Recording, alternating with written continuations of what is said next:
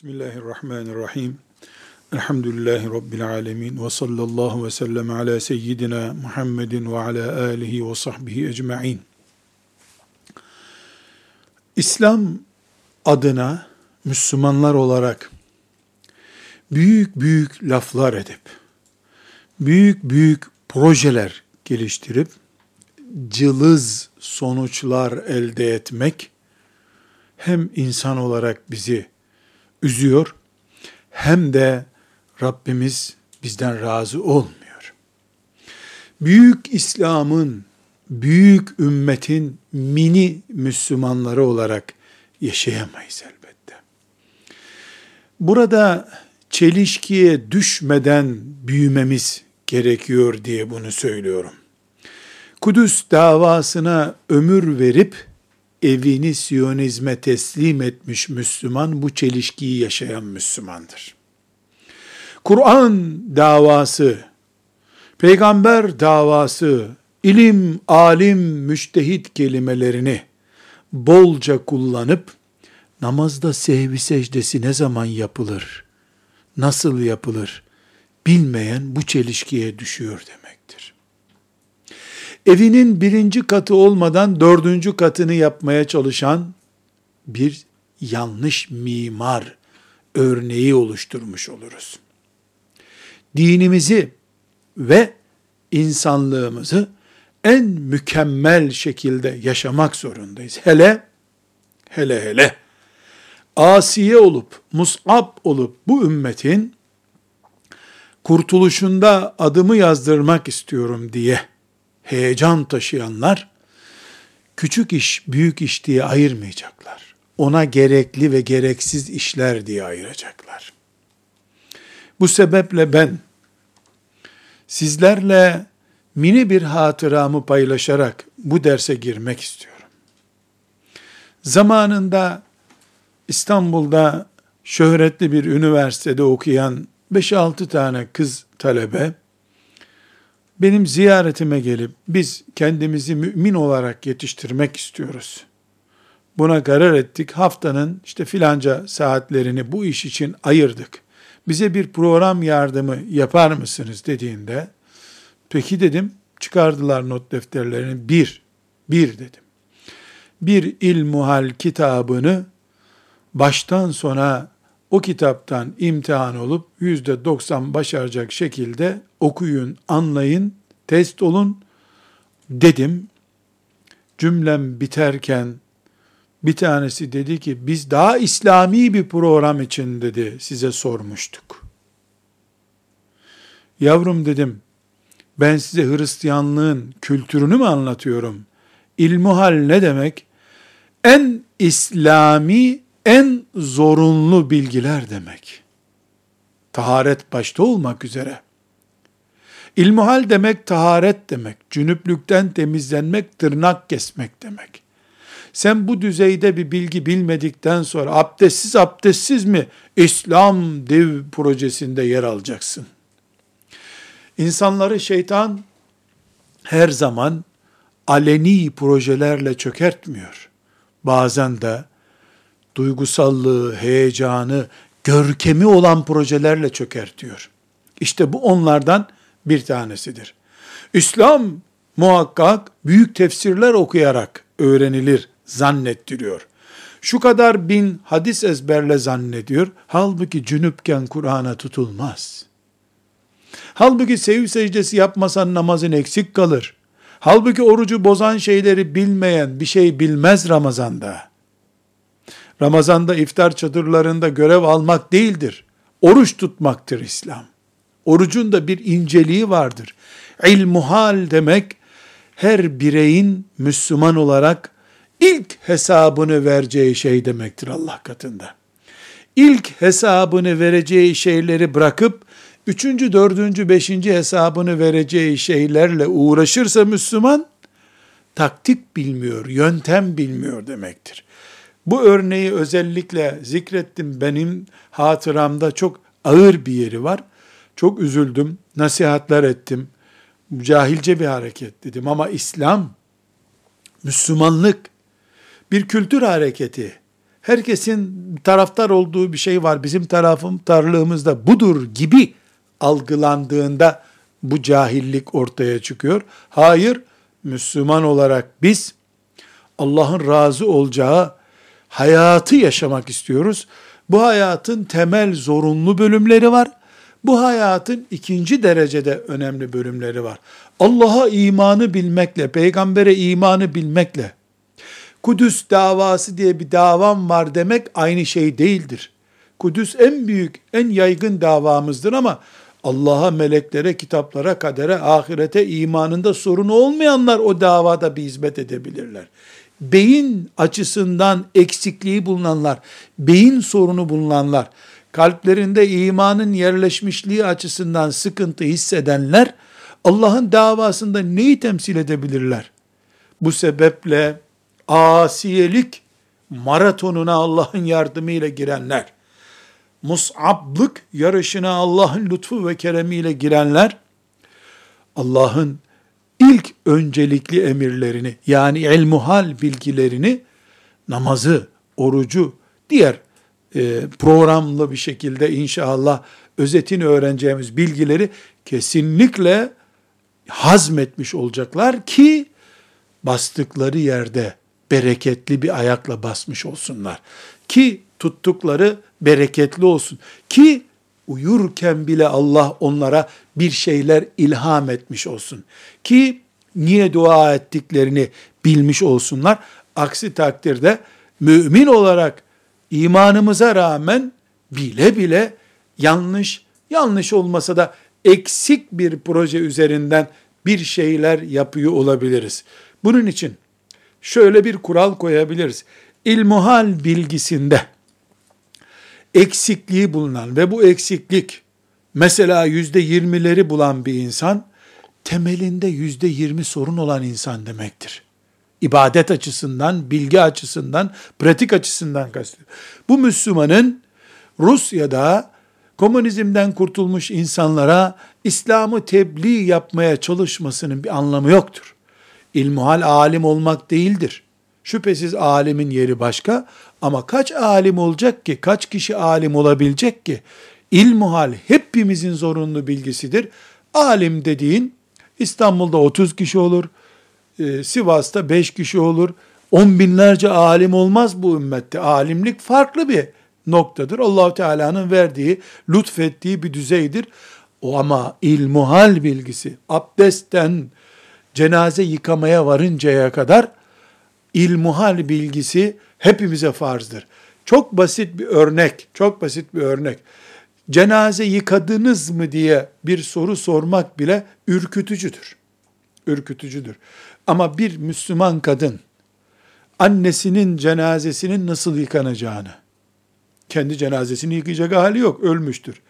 Annesinin kefeninin nasıl yapılacağını bilmiyorsa, e bu Müslüman annesini belki de kefeni sünnete uygun yapmayacak birine havale edip gömüyorsa, ya da işte ben cenaze göremem diye kaçacak kadar ürkek yürekli biri ise, annesine karşı son görevini yapmakta bile ilmuhal eksikliği bulunan birisinden, kadınların tesettüre girmesi için mücadele ederken bereketli sonuçlar nasıl göreceğiz?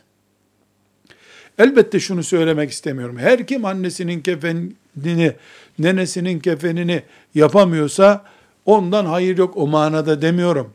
Şu manada diyorum. İlmuhal zorunlu bilgidir. Bu zorunluluğu bilsen nenenin, teyzenin kefenini başka bir Müslüman yapsın. Sen duygusalsın o gün belki yapamazsın. Ama farz bu. Bunu bilmemiz gerekiyor ve bu bayan olduğu için senden başkası da bunu yapamayacak. Veya Mus'ab adayısın sen, dedenin kefenlenmesiyle ilgili temel bilgileri bilmiyorsun. İlmuhal hayatımızın en kritik konularından biridir. Bunu önemsemek bu ümmetin en temel görevlerinden biridir. Eğer bir toplumda gençler çok büyük büyük balonlu laflar ettikleri halde ilmuhal bilgisini eh camilerde ihtiyarların öğrendiği konulardan görüyorlarsa yanlış yerden başlıyorlar. Bereketsiz bir iş yapıyorlar. Hayrını görmeyecekleri bir çalışmanın içindedirler. Bu sebeple temel ilmihal bilgimizi en azından ana kriterleri açısından bileceğiz. Bismillahirrahmanirrahim diyerek madde madde temel ilmuhal bilgilerimizden satırlar düzeyinde zikredeceğim. Yoksa ilmihali şöyle tafsilatlı bir şekilde anlatmam için belki bana 100 saat lazım burada. O kadar vakit e, imkanımız olmadığına göre satır başlarını zikredeceğim. Satır başlarını niye zikrediyorum? En azından bir ilmihal kitabının fihristi kafamızda olacak. Nerede hangi konuda neyi bulabileceğimi bileceğim. Ana fikriyatını da bildim mi gerektiğinde müracaat edip bir kitaptan kolayca anlayabilirim diye inşallah. Bismillahirrahmanirrahim. Elhamdülillahi Rabbil alemin. Ve salatu ve selamu ala Resulina Muhammed ve ala alihi ve sahbihi ecma'in. İlmihale başlıyorum. Bir, İlmihalin birinci konusu mükellefi tanımaktır. Mükellef. Mükellef, Türkçe sorumlu demek. Peki, kim kastediliyor? Akıllı, bulu çağına gelmiş Müslümanın dindeki adı mükelleftir. Demek ki mükellef olan ve olmayanlar var bu dünyada. Hayvanlar mükellef değiller. Akıllı değiller çünkü. Çocuklar mükellef değiller, bali değiller çünkü. Bali olmak satır başında satır başı düzeyinde kalacağımızı söylediğimiz için ayrıntılarına girmiyorum ama sonuç olarak 15 yaşını doldurduğu gün herkes mükelleftir. 15 artı bir gün yaşayan bu dünyada 80 sene yaşayanla aynıdır. 110 sene yaşayanla aynıdır. 16 yaşından gün almış bir kız çocuğu 48 yaşındaki annesiyle mesela aynı Allah katında.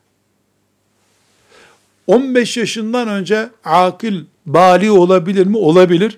Aybaşı olmuştur, ihtilam olmuştur erkek. Otomatik 15 yaşını beklemeye de gerek yoktur o zaman. 15 yaşını beklemeye de gerek yoktur. Mükellef. Mükellef insan ne demek? Sorumlu tutulan insan demek. Sorumlu tutulan insan nelerden sorumlu? Bir, Allah'a imanla ilgili konulardan sorumlu. İki, Peygamber sallallahu aleyhi ve sellem ve getirdiği şeriattan sorumlu. Üç, insan ve Müslüman olarak bu dünyada yaşaması için gerekli zorunlu bilgilerden sorumlu. Helali, haramı bilmekten sorumlu. Tekrar ediyorum. Mükellef insan dedik. Kim mükellef insan? Akil yani aklı başında ve bali yani 15 yaşından artı bir gün almış. Veya 14 yaşında ihtilam olmuş, aybaşı olmuş. Bitti. O 50 yaşındadır, 80 yaşındadır, 110 yaşındadır. Allah'ın huzurunda sorumlu olmak bakımından. İlmuhal kitaplarının birinci satırı budur. Sorumlu nereden sorumlu? Allah'ı bilmekten sorumlu. Dolayısıyla Allah'a ait iman konularından sorumlu. İki, Peygamber sallallahu aleyhi ve sellemi bilmekten sorumlu, onun getirdiği şeriatı bilmekten sorumlu. Peki ne kadarını bilecek bu şeriatın? Bunun bir başka ayrıntısı, günlük hayatını haramlardan uzak, helal bir şekilde yaşayacak kadar bilgi lazım. Mesela nedir bu bilgi? Alkol haramdır. Bunu bilmek zorunda mükellef. Namaz farzdır. Bunu bilmek zorunda mükellef. Kadına tesettür farzdır. Bunu bilmek zorunda mükellef. Bilmiyor mu olabilir mi? Olur ama onun adı cahil Müslüman olur. Cahil cehenneme daha yakındır. Birinci ilmuhal konusu budur. Bu ilmuhal konusu yüzlerce sayfa sürer. Ama ben mükellef diye bir numaralı konuda bunu özetledim. İki, İkinci paragrafım, ikinci satırım. Söz verdik satırlar düzeyinde gideceğiz dedik. Satırlar düzeyinde gittiğimizde mükellef konusuyla bu kadar anlatacağız. İki, hükümler. Bir ilmihal konusunda, ilmihal kitabında, fıkıh kitabında, Müslümanca yaşamayı anlatan bir yerde, hükümler anlatılırken farz, haram, vacip, mekruh, sünnet, nafile, müstehab ve müfsit kelimeleri kullanılır. Bunlara hükümler diyoruz. Dönüp bunu birinci madde ile birleştirebiliriz. Birinci maddemiz neydi? Mükellef kimdir demiştik. Bu iki madde birleşirse mükellefin kullanacağı hükümler nelerdir diyebiliriz. İkinci başlığımızda. Mükellef bir Müslüman sorumlu, aklı başında ve bali olmuş bir Müslüman ya farzlarla ya haramlarla ya vaciplerle ya sünnetlerle nafilelerle sorumludur. Sorumluluk kategorilerimiz bunlar. Sorumluluğumuzun başlıkları bunlar. Bunların açılımını yapalım mı? Yapalım tabi. Farz ne demek? Allah'ın olmazsa olmaz diye kat'i bir şekilde emir buyurduğu emirleri demektir. Namazın farz olması demek, başka türlüsünü kabul etmiyor Allah demek. Müslüman e, zenginse hac edecek farzdır demek, başka türlü olmaz demek. Anneye babaya iyi davranmak farzdır ne demek? Başka türlü olmaz demek. Farz bu. Farz iki türlü olur. Birincisi ümmeti Muhammed'in toplumsal görevi olan farzlar var. Her Müslümanın bireysel olarak görevi olan farzlar var. Mesela sabah namazı kılmak bireysel bir farzdır. Kadın, erkek, genç, ihtiyar, yolcu, evinde oturuyor, hasta, yatalak, kör, felçli, ha, insan olarak nefes alıyor musun? Alıyorsun. Gözünü kıpırdatabiliyor musun? Kıpırdatabiliyorum. Farz sana sabah namazı kılmak. Sabah namazı kılmak senin için farz. Buna farzı ayın diyoruz. Ayın kişisel demek. Farz-ı ayın kişisel farz demek. Kimse kimsenin boşluğunu dolduramaz burada. Bu tür farzlara farz-ı ayınlar diyoruz. Namaz, sabah namazı en büyük örneği bunun. Cenaze namazı ise farz-ı ayın değildir. Nedir? Kifayedir. Ne demek kifaye? Toplumsal bir görev bu demek. Yani bir Müslüman öldüğünde cenazesini yıkayıp, kefenleyip, gömmek toplumsal, ümmeti Muhammed düzeyinde bir görevdir. Bunu üç kişi, beş kişi birleşip bir mahallede yaparlarsa Allah'ın emri yerine gelmiştir. Hayır, bunu kimse yapmaz. Müslümanın cenazesi ortada kalırsa bütün Müslümanlar sorumlu olur. Ne dedik? Farzlar Allah'ın kesinlikle yapacaksınız diye emir buyurduğu şeylerdir. Bu kesinlikle yapacaksınız dediği şeyleri Müslümanlar ya bireysel olarak yapacaklar, bireysel görevi olan namaz örneğinde olduğu gibi anne babanın hizmetini yapmak bireysel bir görevdir. Dolayısıyla anne babayı düşkünler yurduna vererek bu görevden kurtulamaz. Ama mahalledeki gariban bir Müslümanı düşkünler yurduna vererek sen kurtulabilirsin. Neden? Önemli olan onun sağlığının yerini bulmasıdır. Önemli olan onun huzur içinde yaşamasıdır. Annem baban huzur içinde yaşasa da yaşamasa da sen onun dibinde durmak zorundasın. Farz-ı ayın o çünkü. Farz-ı kifaye toplumsal, kamusal görevler demek.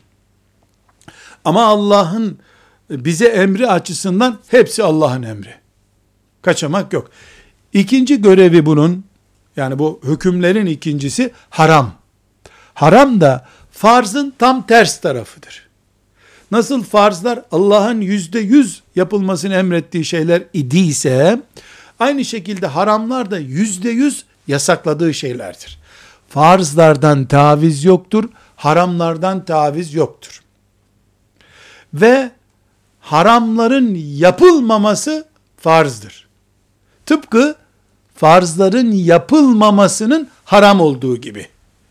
Çünkü bir şeyi kesinlikle yap diyorsa Allah, buna farz diyorsak biz, kesinlikle yapma dediği şey nedir? Namazı terk etme sözüdür.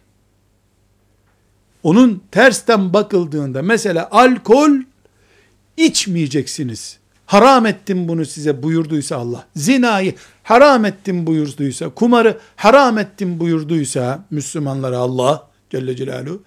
O zaman biz ne anlıyoruz? Alkol kullanmak, kumar, zina haramdır. Onları yapmak, yapmamak farzdır. Onun için bir Müslüman eline fırsat geçtiği halde haramlardan uzak duruyorsa o Müslüman farz işlemiş gibi sevap kazanıyor.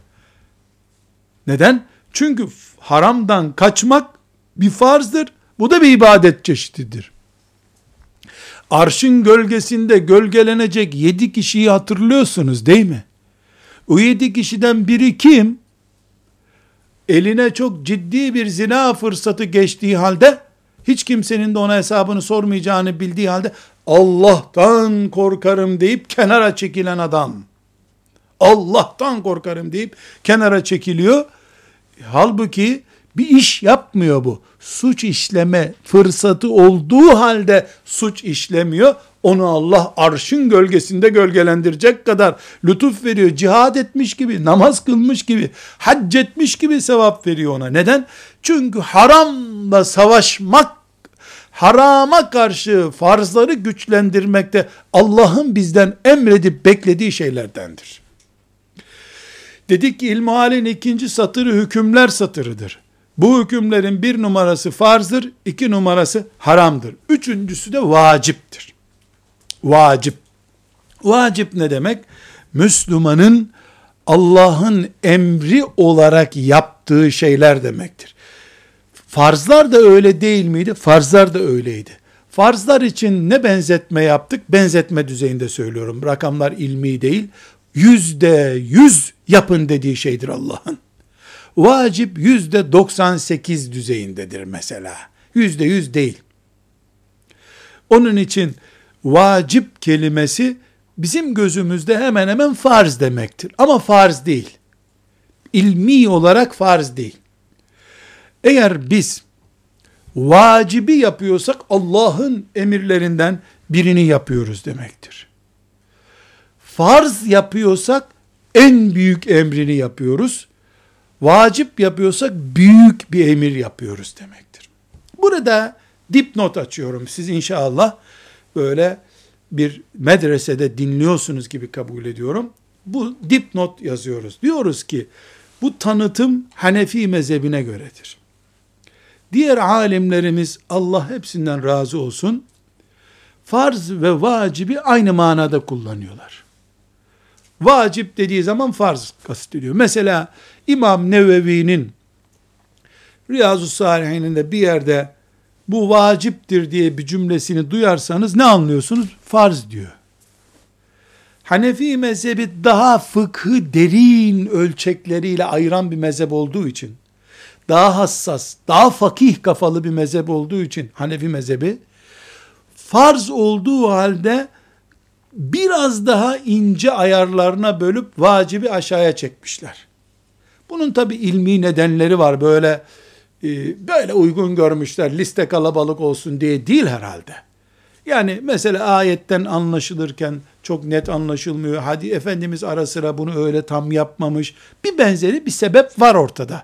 Ama her halükarda Hanefi fıkhından bir şey okuyorsak, e, İmam-ı Azam'a ait bir şey naklediliyorsa, farz diyorsa yüzde yüz emir, taviz hiç yok anlıyoruz. Vacip diyorsa, vacibi o zaman biraz daha aşağıya düşüyoruz. İşte kurban e, kesmek vaciptir mesela. Farz değil, vaciptir. Mesela bayram namazı kılmak vaciptir diye bir cümle okuyoruz. Bunu İmam Şafii söyleseydi, e, uu, sabah namazı gibi farz diyordu anlayacağız. İmam-ı Azam söylediği için bunu sabah namazı başka, sabah namazından sonra kılınan bayram namazı başka. Nesi başka? Kıble aynı. Niyet aynı. Nesi başka peki? ibadetteki hüküm ağırlığı başka. Hüküm birinde farz 100 puanlık ağır bir şey, öbüründe 2-5 puan ne kadarsa bunlar sembolik anlatımlarım. Kesinlikle böyle 2 puan 3 puan düşüktür vacip diye söyleyecek bir şeyimiz yok. Dördüncü hüküm kavramı mekruh demektir. Nasıl farzın bir puan düşüğüne vacip diyorduk, haramın bir puan düşüğüne de mekruh diyoruz. Mekruh demek, yüzde yüz Allah bunu haram etmemiş ama çirkin görmüş demek.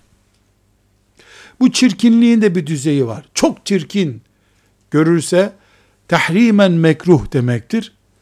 Hafif çirkin görürse tenzihen mekruh demektir. Çok e, kolay anlaşılacağı zaman anlaşılsın diye bir örnek vereyim. Mesela Müslümanın Müslümanın önünde bir kardeşinin önünde burnunu karıştırması. Bu insanlık düşmanlığı, cinayet diye yorumlanabilir mi? Hayır. Arkadaş arkadaşının önünde burnunu karıştırırsa ya ayıp bu. Bu tenzihen mekruh bunun gibi bir şey işte. Müslümanın e, mesela Müslümanın e, öldürülmesi haram, yüzde yüz büyük bir suç. Öldürülme değil de Müslümanı itekledin, üzdün, bu tahrimen mekruh mesela gibi. Mekruh ifadesi de neyin karşılığı dedik? Müslümanın Allah'ın yasaklarına bakışında haramdan bir alt puan olan şey dedik. Ve beşinci kavramımız sünnet kavramıdır. Fıkıh ilminde, ilmuhal ilminde sünnetin eşit karşılığından birisi nafiledir. Nafile.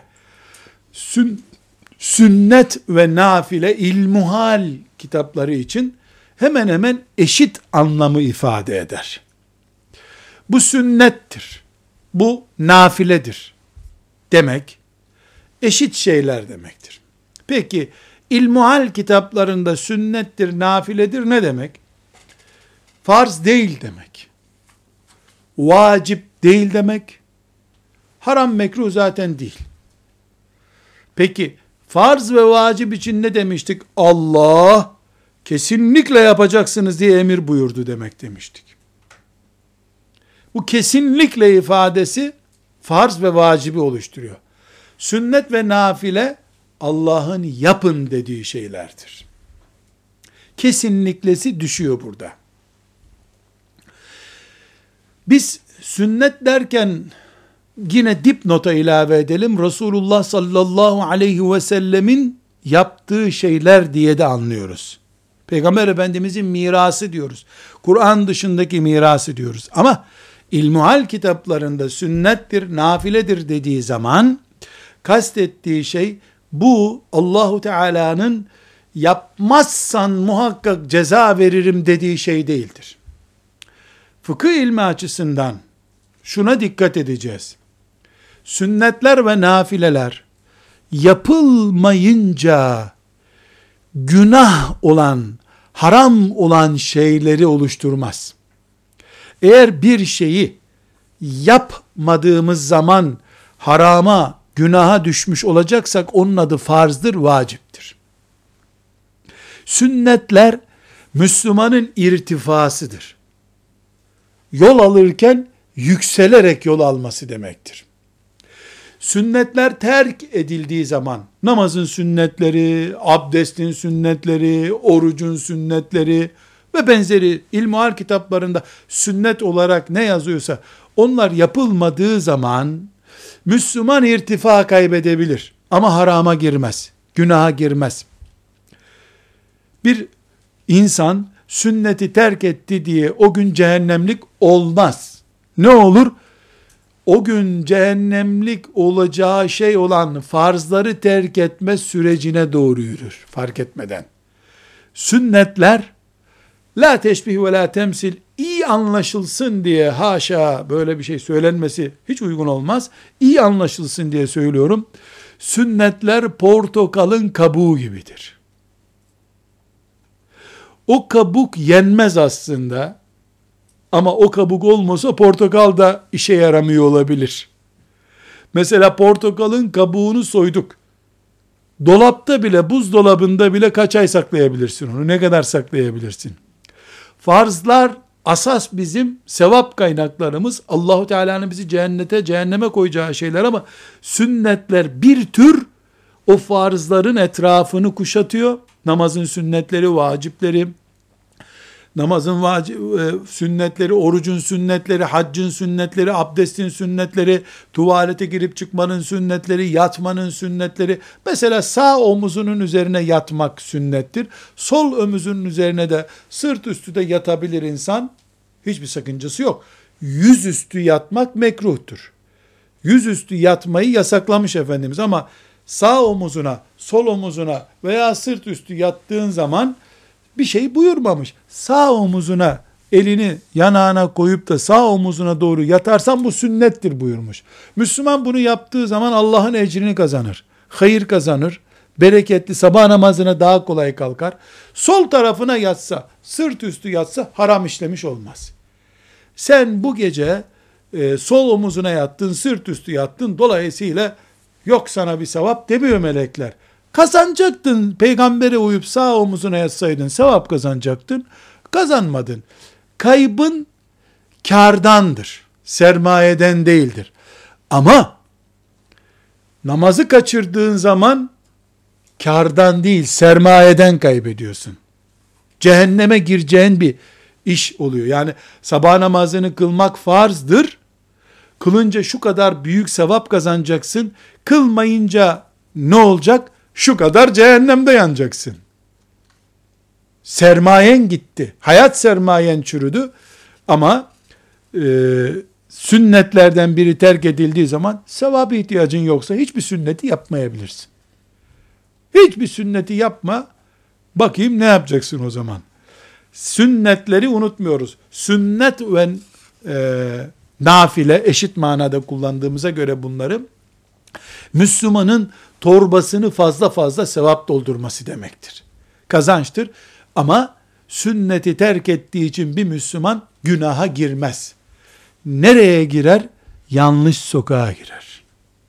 Peygamber sallallahu aleyhi ve sellemin sünnetlerini hele hele küçük görerek, önemsiz görerek, boş ver yaparak terk ettiği zaman uzun süreli olarak bir Müslüman kaybeder rotasını kaybeder.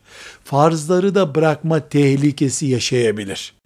Ama bugün öğle namazının sünnetini kılmadan farzı kıldı diye 3 sene üzerine 7 sene üzerine bir öğle namazının sünnetini kaçırdı diye ya da ağzını suyla çalkalamadan yani sünnet abdestteki sünnet olan ağzı suyla çalkalama mazmazayı yapmadı diye Müslüman o gün cehennemlik olmaz. Ama öğlenin farzını bir gün kılmadıysan vay gitti senin cennetin. Cennetine yazık oldu. O namazın hesabını sormadan Allah seni cennetine koymaz. Abdeste yüzü yıkamak farz, ağza su vermek sünnettir.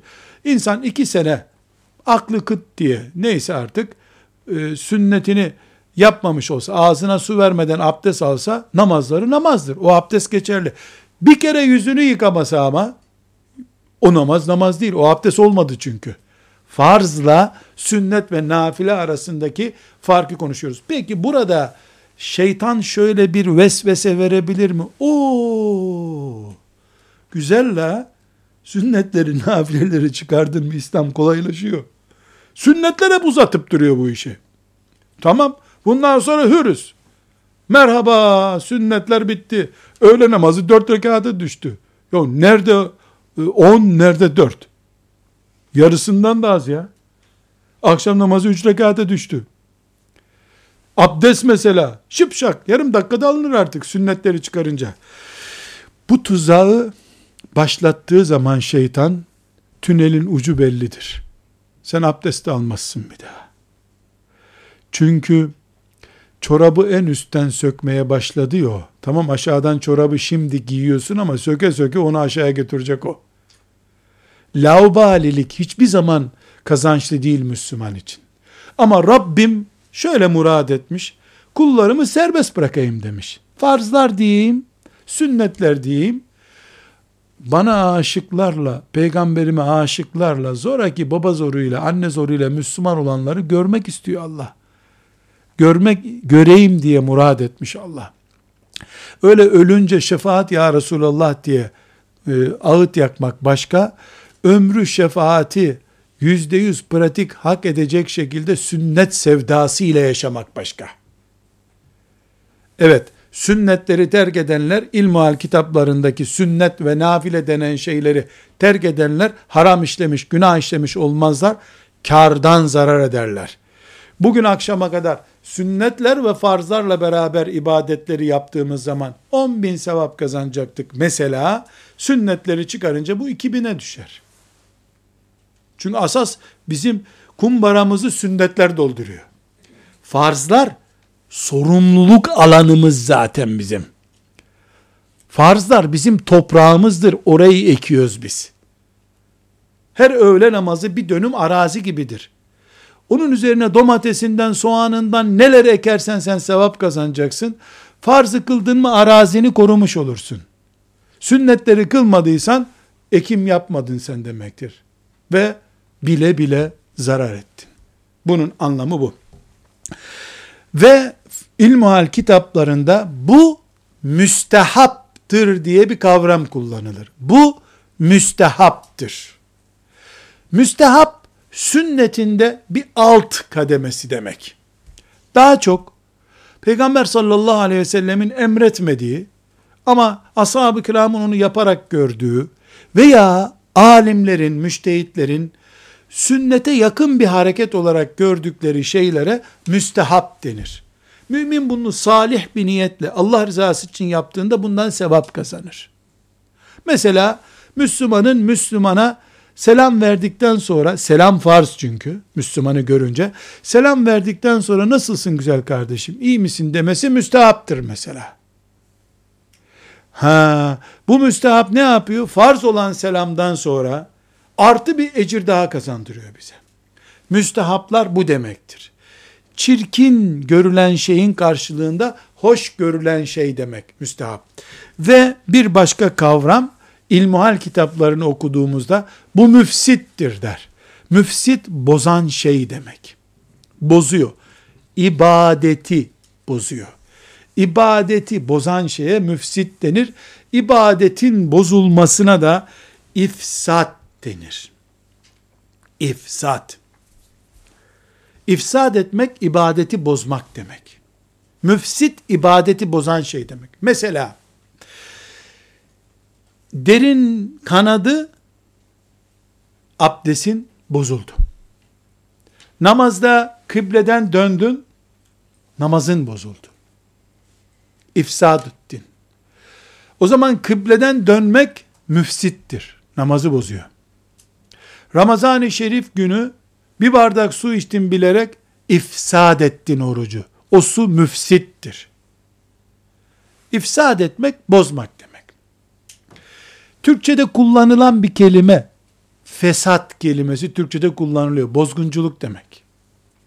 Fesatçılık yapma deniyor. Yani bozgunculuk yapma demek. Bozmaktan geliyor bu kelime. Şimdi ikinci maddeyi bitirdik. Neyin ikinci? İlmu halden satır satır gidiyoruz Allah'ın izni ve lütfu ile dedik. Birincisinde mükellefi öğrendik. İlmu hale muhatap olan Müslümanı. İkincisinde mükellefe ait hükümlerden konuştuk. Üçüncü başlığımıza geldik. İslam dini ilmuhal düzeyinde yaşandığında imanı, Müslümanlığı ve ihsanı olan insan yetiştirmek demektir. Müslümanlığımızın mümince, Müslümanca ihsan kalitesinde yaşanması bizden beklenen şeydir. O zaman üçüncü başlığımızda ilmuhal satırların üçüncü başlığında diyoruz ki İslam ilmuhali kitabının sonuçta bize vereceği şey hayatımızı mümin, Müslüman, muhsin hale getirmek demektir. Muhsin, ihsan yapan insan demek. İhsan düzeyinde yaşayan demek. Allah muhsinleri sever diyor Kur'an-ı Kerim. Kim muhsin? ihsan düzeyinde yaşayan demek. Erkek ismi Muhsin ama kadın olunca da Muhsine isim. Ne kadar ismiyle müsemma kim onu bilmiyoruz. Ona bir diyecek bir şeyimiz yok. İlmuhal hazmedilip yaşandığı zaman iyi bir iman, iyi bir İslam, bir ihsan var demektir. İhsanın kendisi de iyilik olduğu için ona iyi bir ihsan demeyeceğim. Eğer imanımız, Müslümanlığımız, ihsanımız sorunluysa biz arızalıyız demektir.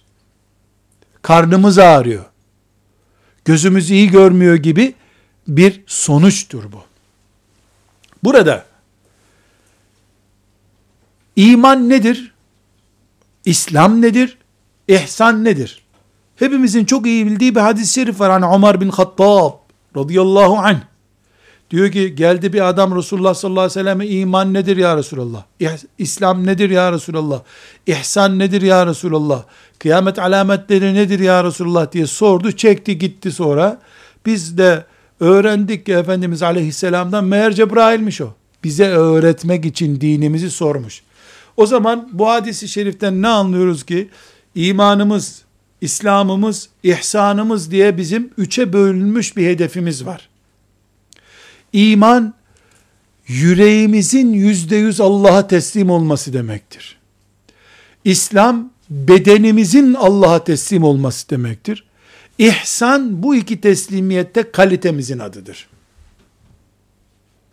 Bunu ilmihal bilgimize not olarak katıyoruz. İman ettik demek, yüreğimizde bir sorun yok demek.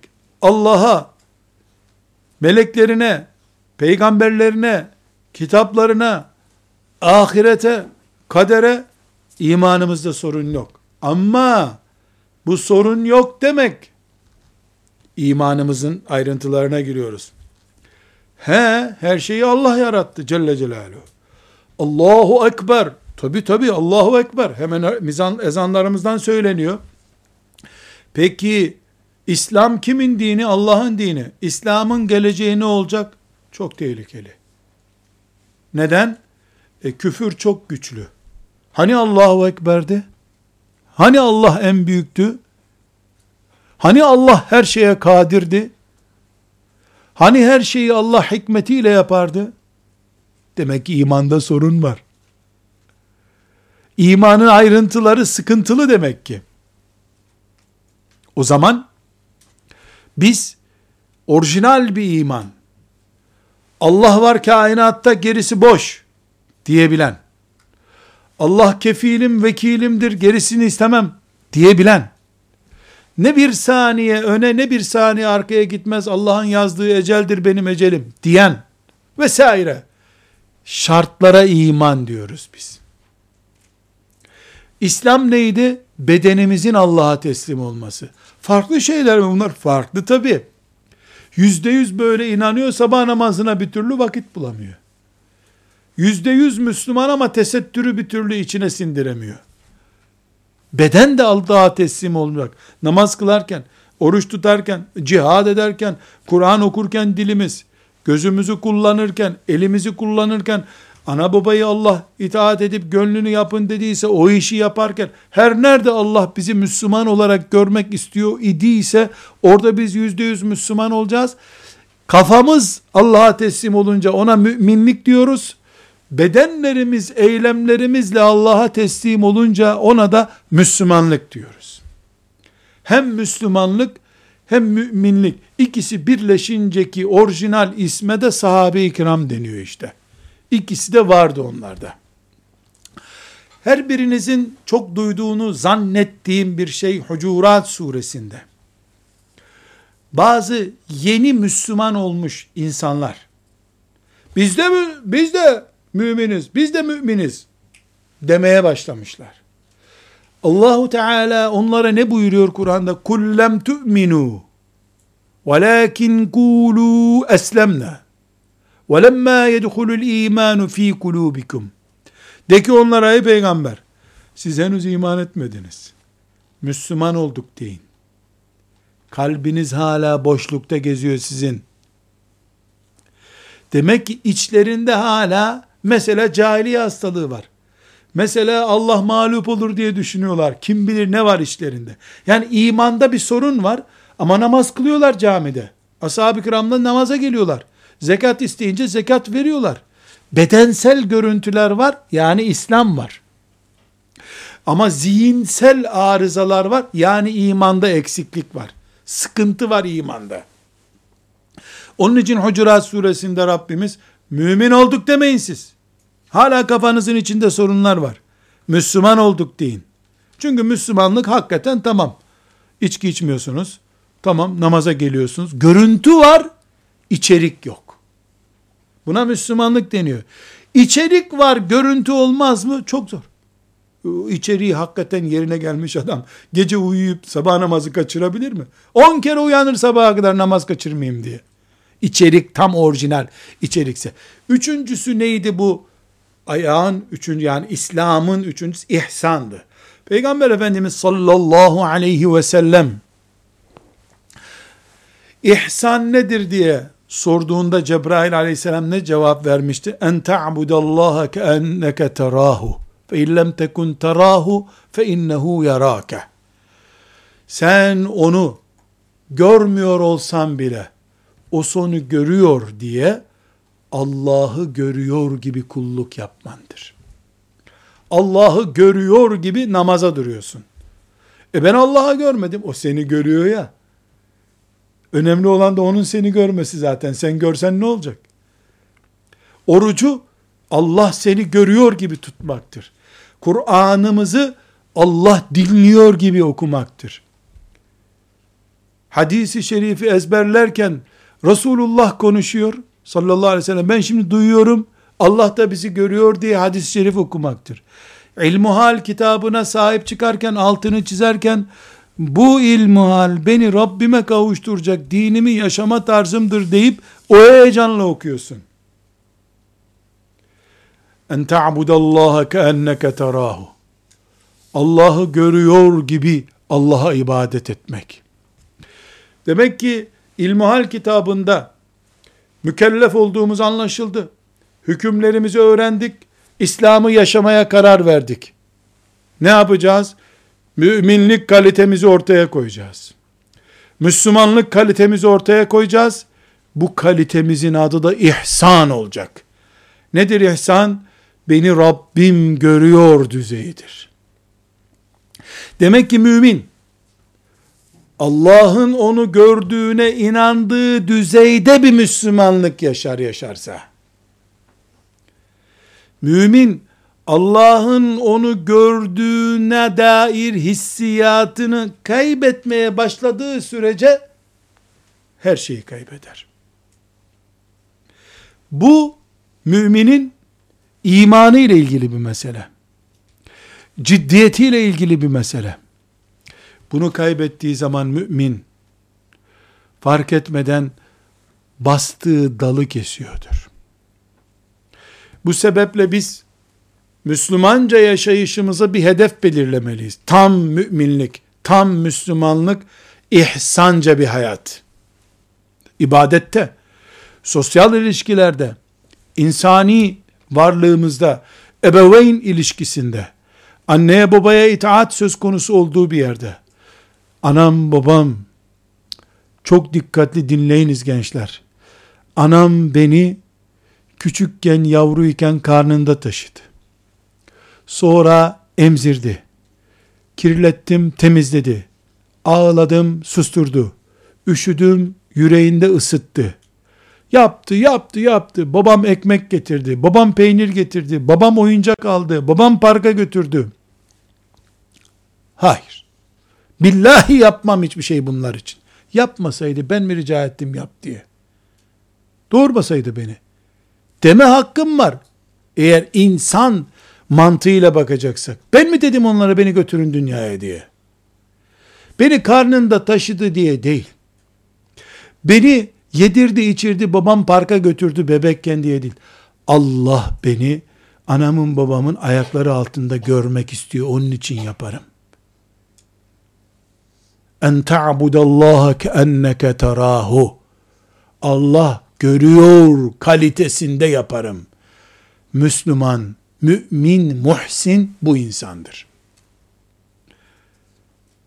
Ben Rabbim görsün diye anamın ayaklarında, babamın ayaklarında olurum. Öbürleri zaten o karnında taşımış, yedirmiş, içim zaten karşılığını bulmuş olur. İlmuhalin bizi getireceği düzeye örneklerden başladık. Üç başlığı açtık. Üç satır okuduk. Devam edeceğiz inşallah. Ve sallallahu ve sellem ala seyyidina Muhammed ve ala alihi ve sahbihi ecma'in velhamdülillahi rabbil alemin.